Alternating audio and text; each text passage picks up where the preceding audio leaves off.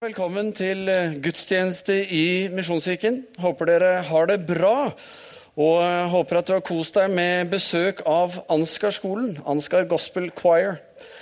Jeg husker da jeg gikk på Ansgar for eh, et par år tilbake.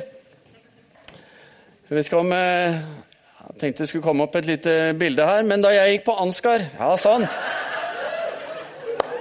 Da skjønner, du, da skjønner du med en gang at min plass den var ikke her framme, den var bak miksepulten. Ikke sant? Se å få gjemt han der. der.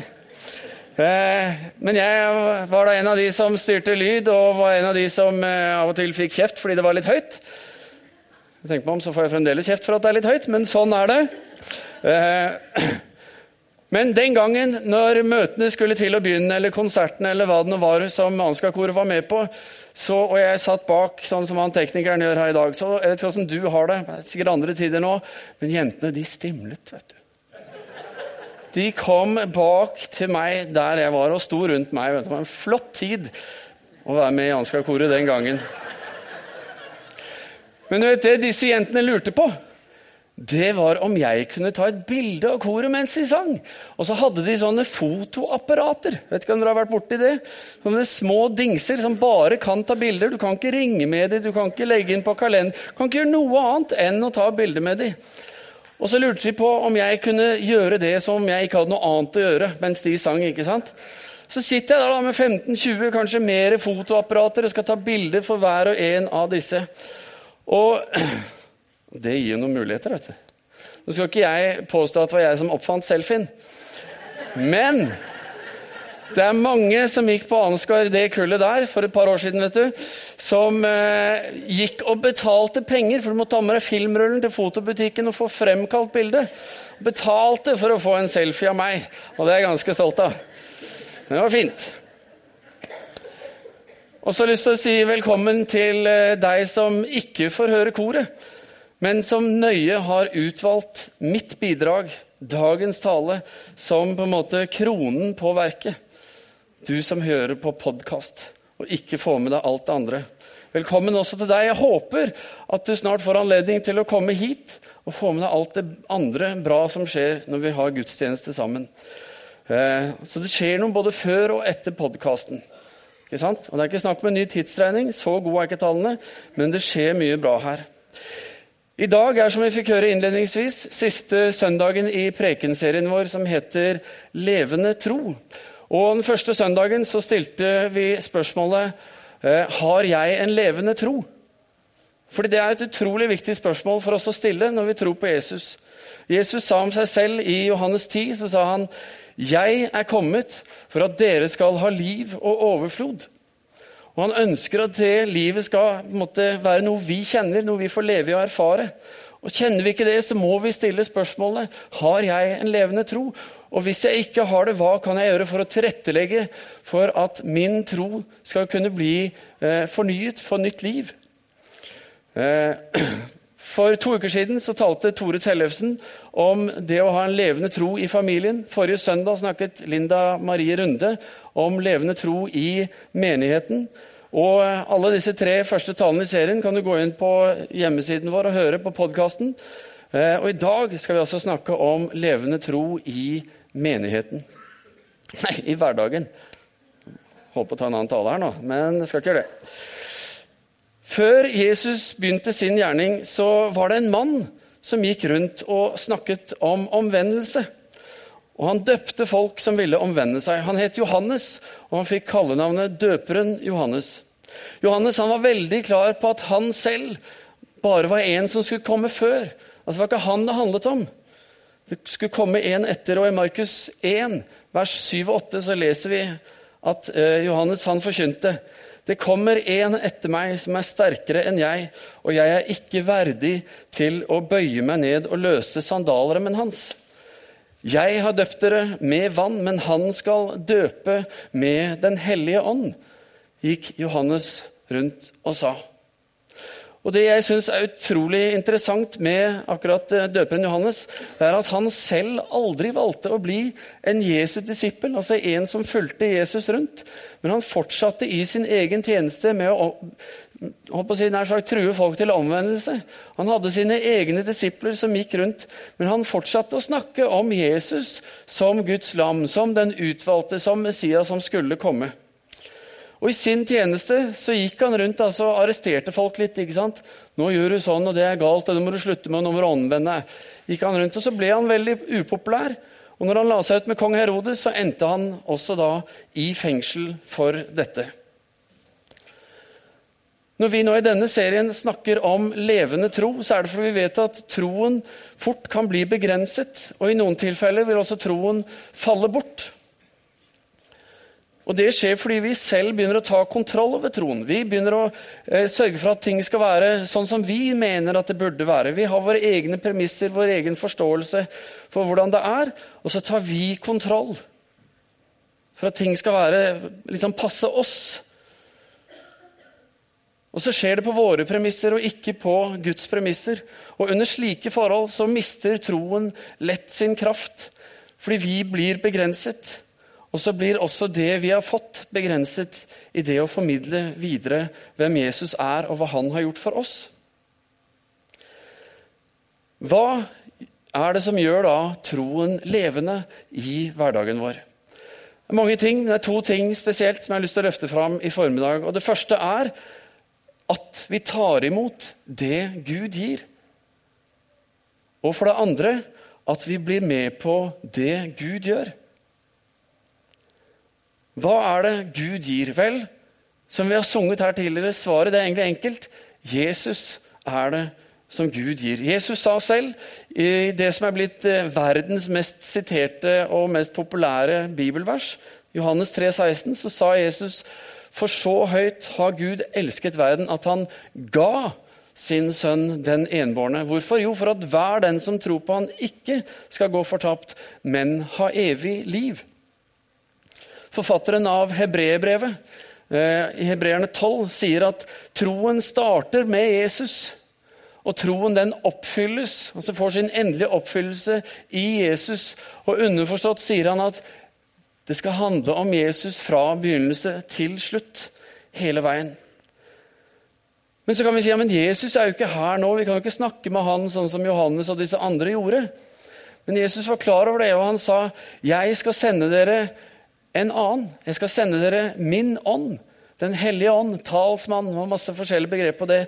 Han skal sørge for at jeg lever videre både i dere og gjennom dere, slik at dere skal få ikke bare se meg gå forbi, men uansett hvor dere er, så kan alle som tror, ha Jesus med seg og få lov til å bli inspirert og ledet av Han. Den hellige ånd er det som gir troen vår liv. Det er der Jesus blir synlig. Og Johannes døperen han snakket om at noe av det nye ved Jesus var at han skulle døpe med Den hellige ånd. At vi skulle bli overfylt, neddykket i Den hellige ånd. Og så er Den hellige ånds oppgave å vise oss Jesus og hjelpe oss å leve sånn som Jesus levde. Ser vi f.eks. på Peter, da, en av disse tolv disiplene som Jesus hadde med seg rundt så var eh, Peter en som styra. Han var en som tok kontroll. Og hvis han følte at eh, Jesus sa noe som ikke han syntes stemte helt, ja, så gikk han i rette med Jesus. Selv om Jesus hadde sagt at det var Guds vilje. Når Jesus fortalte Peter og disiplene at snart kommer en tid hvor jeg skal bli tatt til fange, og så skal jeg dø, og dette er Guds vilje. Kort oppsummert er det dette Jesus sier til disiplene. Og Peter, vet du, er du gæren? Dette har jo ikke vi planlagt. Dette kan jo ikke stemme med det vi holder på med nå. Dette må aldri skje, Jesus. Og så må Jesus prate ganske tydelig til han og si jo, dette må, må skje. Og dere husker kanskje hvis du har hørt historien om da eh, Jesus vasket disiplenes føtter, og det var Peter sin tur å få vasket føttene, og da sa Peter, vet du hva? Nei, Jesus, dette blir gærent. Må du forstå at det er, ikke sånn, det er jeg som skal vaske dine, ikke du som skal vaske mine. Men så igjen må Jesus korrigere Peter og si vet du hva, du styrer for mye. Dette vil jeg gjøre for deg. La meg gjøre det, sånn at vi kan ha dette fellesskapet som jeg har kommet for å gi deg. Og så er poenget at alt vi gjør for å prøve å styre eller lede Gud på noen måte, det blir overstyring. Det blir feil. Men så gjør vi jo så lett det med troen. Vi har så lett for å eh, sørge for at ting får, altså, Vi tenker jo ikke at 'nå skal jeg gjøre om på troen', men fordi jeg føler, fordi jeg tenker, og fordi jeg syns det er vanskelig, osv., så, så lager vi og former det ut fra våre egne premisser, og så begrenser vi troen.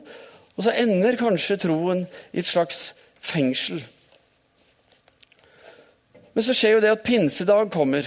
Og alle disiplene og mange som var eh, med dem, 120 stykker, står det, var sammen og ba. Og de ba med forventning om at Gud skulle sende sin ånd og fylle dem, slik som Jesus sa på Kristi himmelfartsdag. Og når det skjedde, og de ble fylt, så ser vi at Peter forandres. Peter framstår plutselig som en helt annen type. Han er ikke lenger en som skal ordne og styre det selv, men han er en som blir styrt. En som lar seg lede av Den hellige ånd. For eksempel når bare Like etterpå så ser vi at Peter og Johannes, ikke Johannes døperen, men disippelen Johannes, de kommer sammen inn i Jerusalem gjennom det som heter Fagerporten. Og Så ser de en mann som eh, sitter på siden, som er lam, og som tigger. Og Så ser Peter at han skal jeg gjøre noe med. Jeg har ikke penger. Men så går han bort og så tar han han i hånden og så reiser han han opp i Jesu navn. Så står det at denne mannen plutselig kan stå, han kan plutselig gå, han kan plutselig løpe og danse og hoppe og juble og glede seg.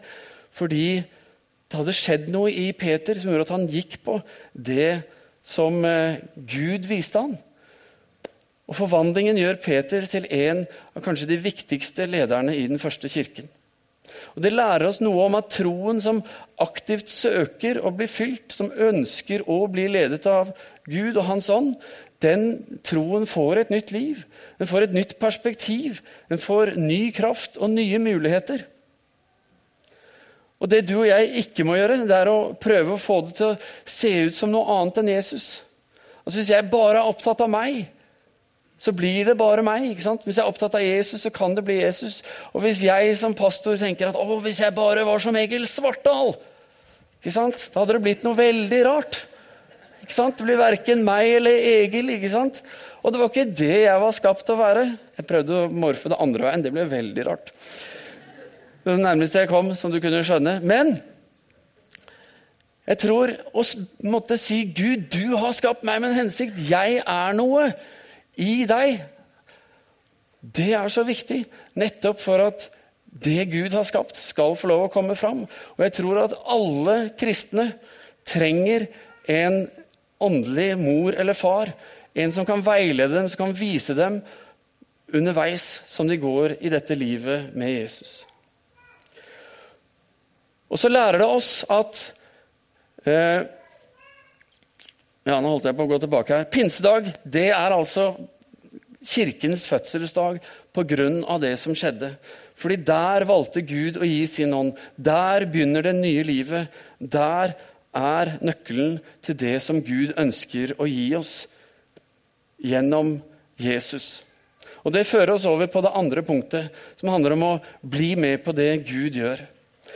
Jesus snakket om at Guds rike, det er kommet. Og i Markus 1 vers 14 og 15, så eh, leser vi at etter at Johannes var blitt fengslet, kom Jesus til Galilea og forkynte Guds evangelium, og han sa, tiden er inne, Guds rike er kommet, venn om og tro på evangeliet.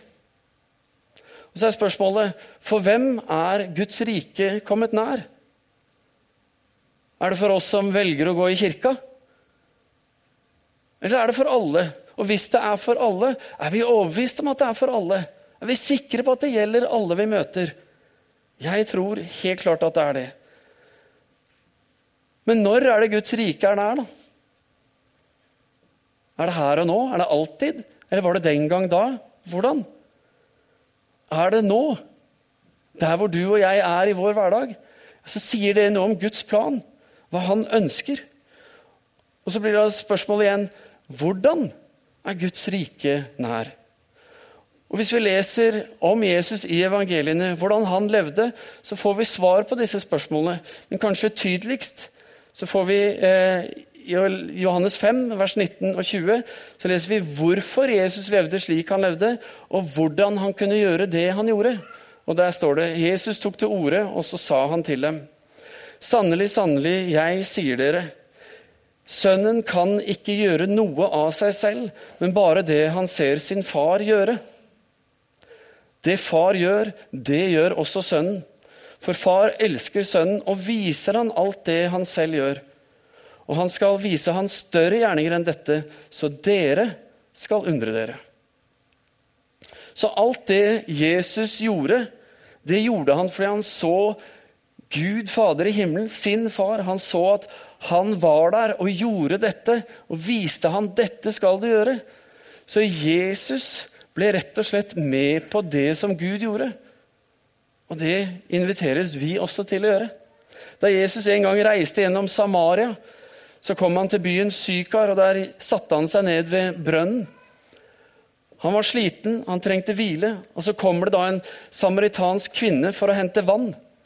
Og så er liksom Noe av historien her er at samaritanerne og jødene de hadde skikkelig dårlig fellesskap.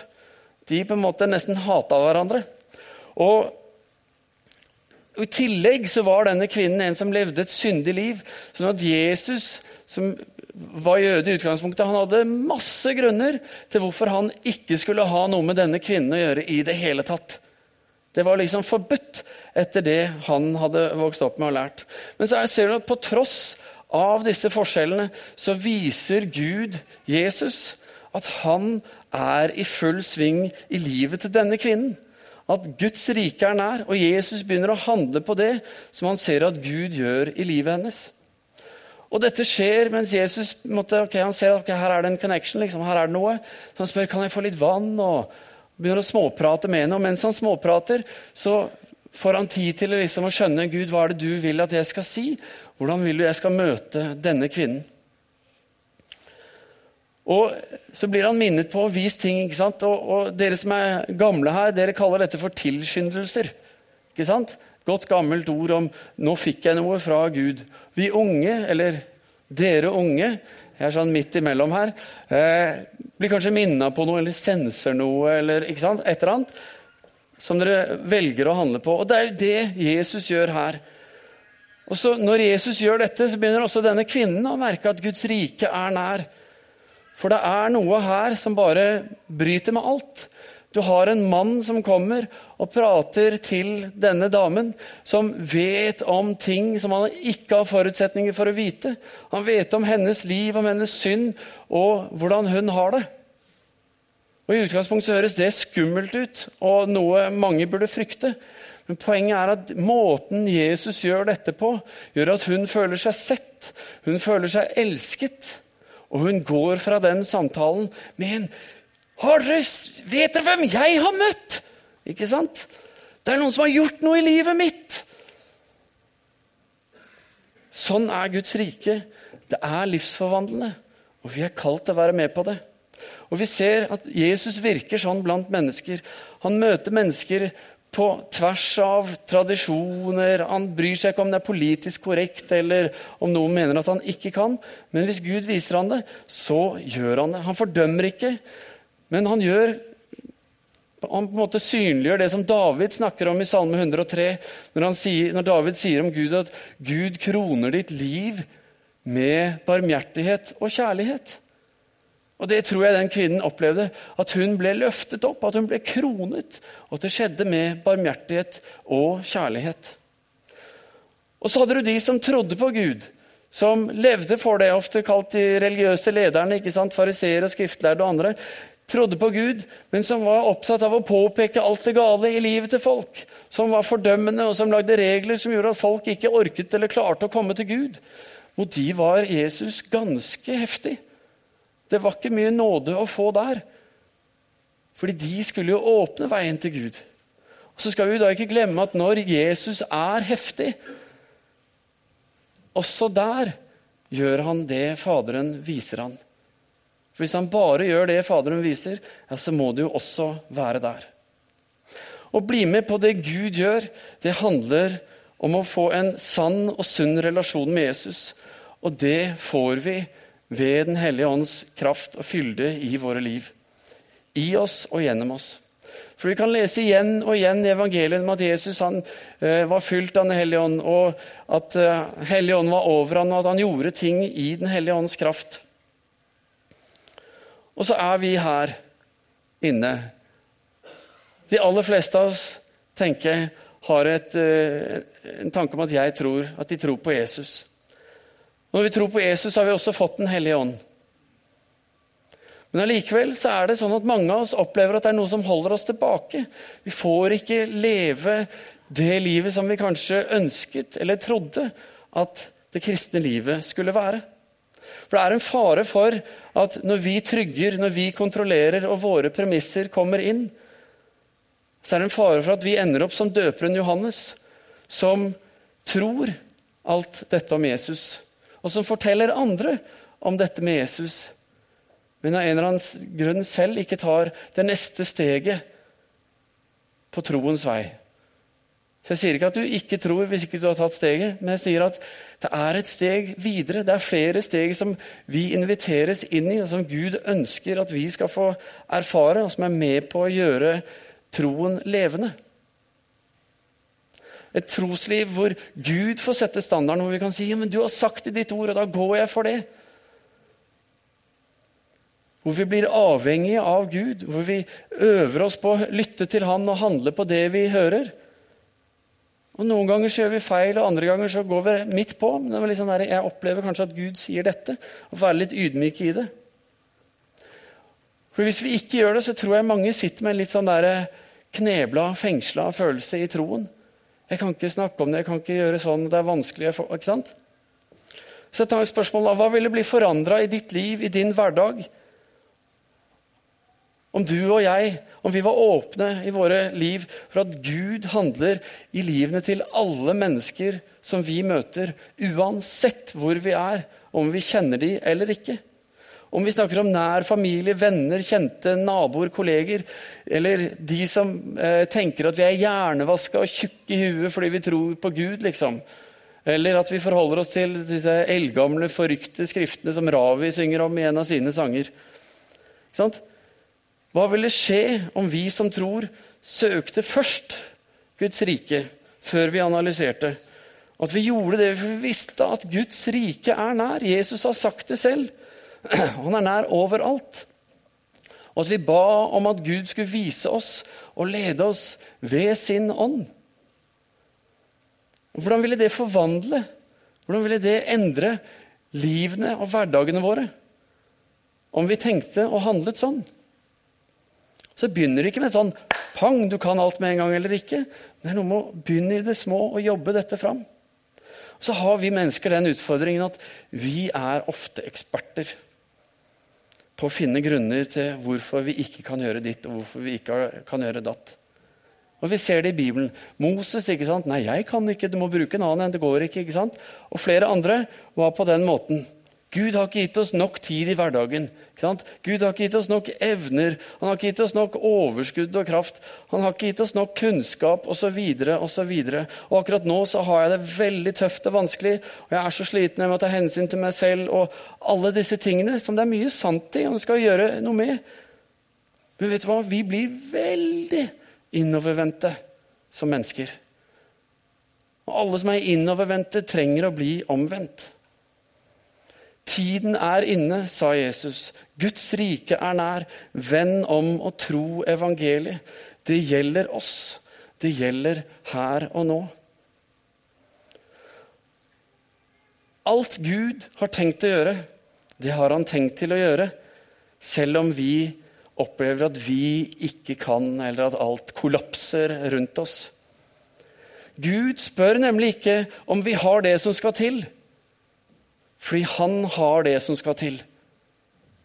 Han er ikke avhengig av om du kan det, men det han spør om, er om du vil ta imot det han vil gi deg, og om du vil gjøre det han inviterer deg til å bli med på å gjøre. Det han viser deg i din hverdag, i ditt liv. Ingen av våre hindringer er en hindring for Gud om vi bare inviterer han inn, om vi velger å følge han. Bare se på Jesus selv når han hang på korset så viste Gud at selv der han hang spikra og pisket og alt dette her, så er Guds rike nær. Og Den ene av de to røverne som hang der, var åpne og mottagelige for Guds rike. Og Jesus fikk si til ham, i dag skal du få være med meg til paradis, til himmelen. Så la oss ikke bruke våre omstendigheter alle disse tankene våre som unnskyldninger. Men si Gud, uansett hva, uansett når, uansett hvor, du kan. Og hvis jeg opplever at du kaller meg, så har jeg lyst til å prøve å gjøre alt jeg kan for å få til det. Det kan høres travelt ut å skulle følge og gjøre alt dette som Gud gjør, hvis Gud er i virksomhet i alle menneskers liv. Og klart, klart Hvis alle du møter gjennom en hel dag, er liksom kvinnen ved brønnen klar til 'kom igjen, jeg trenger en time med deg', ja, da blir det travelt. Men da har vi et ord for det. Det heter vekkelse, og det er veldig fint. Og Skjer det, så skal du være glad og bare hive deg med på det. ikke sant? Gud ordner også det. Men i vår vanlige hverdag så er det sjelden sånn. Men av og til så leder Gud oss inn i spennende ting. Og det er noe med det der å være åpen og klar og mottagelig for det som er viktig. Vi er elsket. Alle vi som tror vi er elsket, vi er kalt, vi er helliget, vi er utvalgt. Paulus sier dette i Kolosserne 3 bl.a. Eh, vi er kalt til å leve et liv et levende trosliv sammen med Jesus og i kraft av han. Ikke i kraft av hva vi kan gjøre for han, men hva han allerede har gjort for oss, lenge før vi kunne gjøre noe med det. Livet med Jesus det begynner utvilsomt med å ta imot og få lov å erfare hans nåde, hans tilgivelse, hans kraft over livene våre. Og få lov til å være hos han men det fortsetter også, akkurat som det gjorde for Peter og for disiplene, som fikk lov å gå sammen med Jesus en periode. Så sendte Jesus de ut og øvde, ikke sant? og så, når han dro, så sa han nå skal dere gjøre dette. Så sendte han de ut. Og når vi blir sendt ut, så er liksom det å sørge for at vi har gode kår for en levende tro, er så viktig. I Johannes 14, vers 12, så sier Jesus følgende Sannelig, sannelig, jeg sier dere, den som tror på meg, skal også gjøre de gjerninger jeg gjør. Ja, enda større gjerninger, for jeg går til far.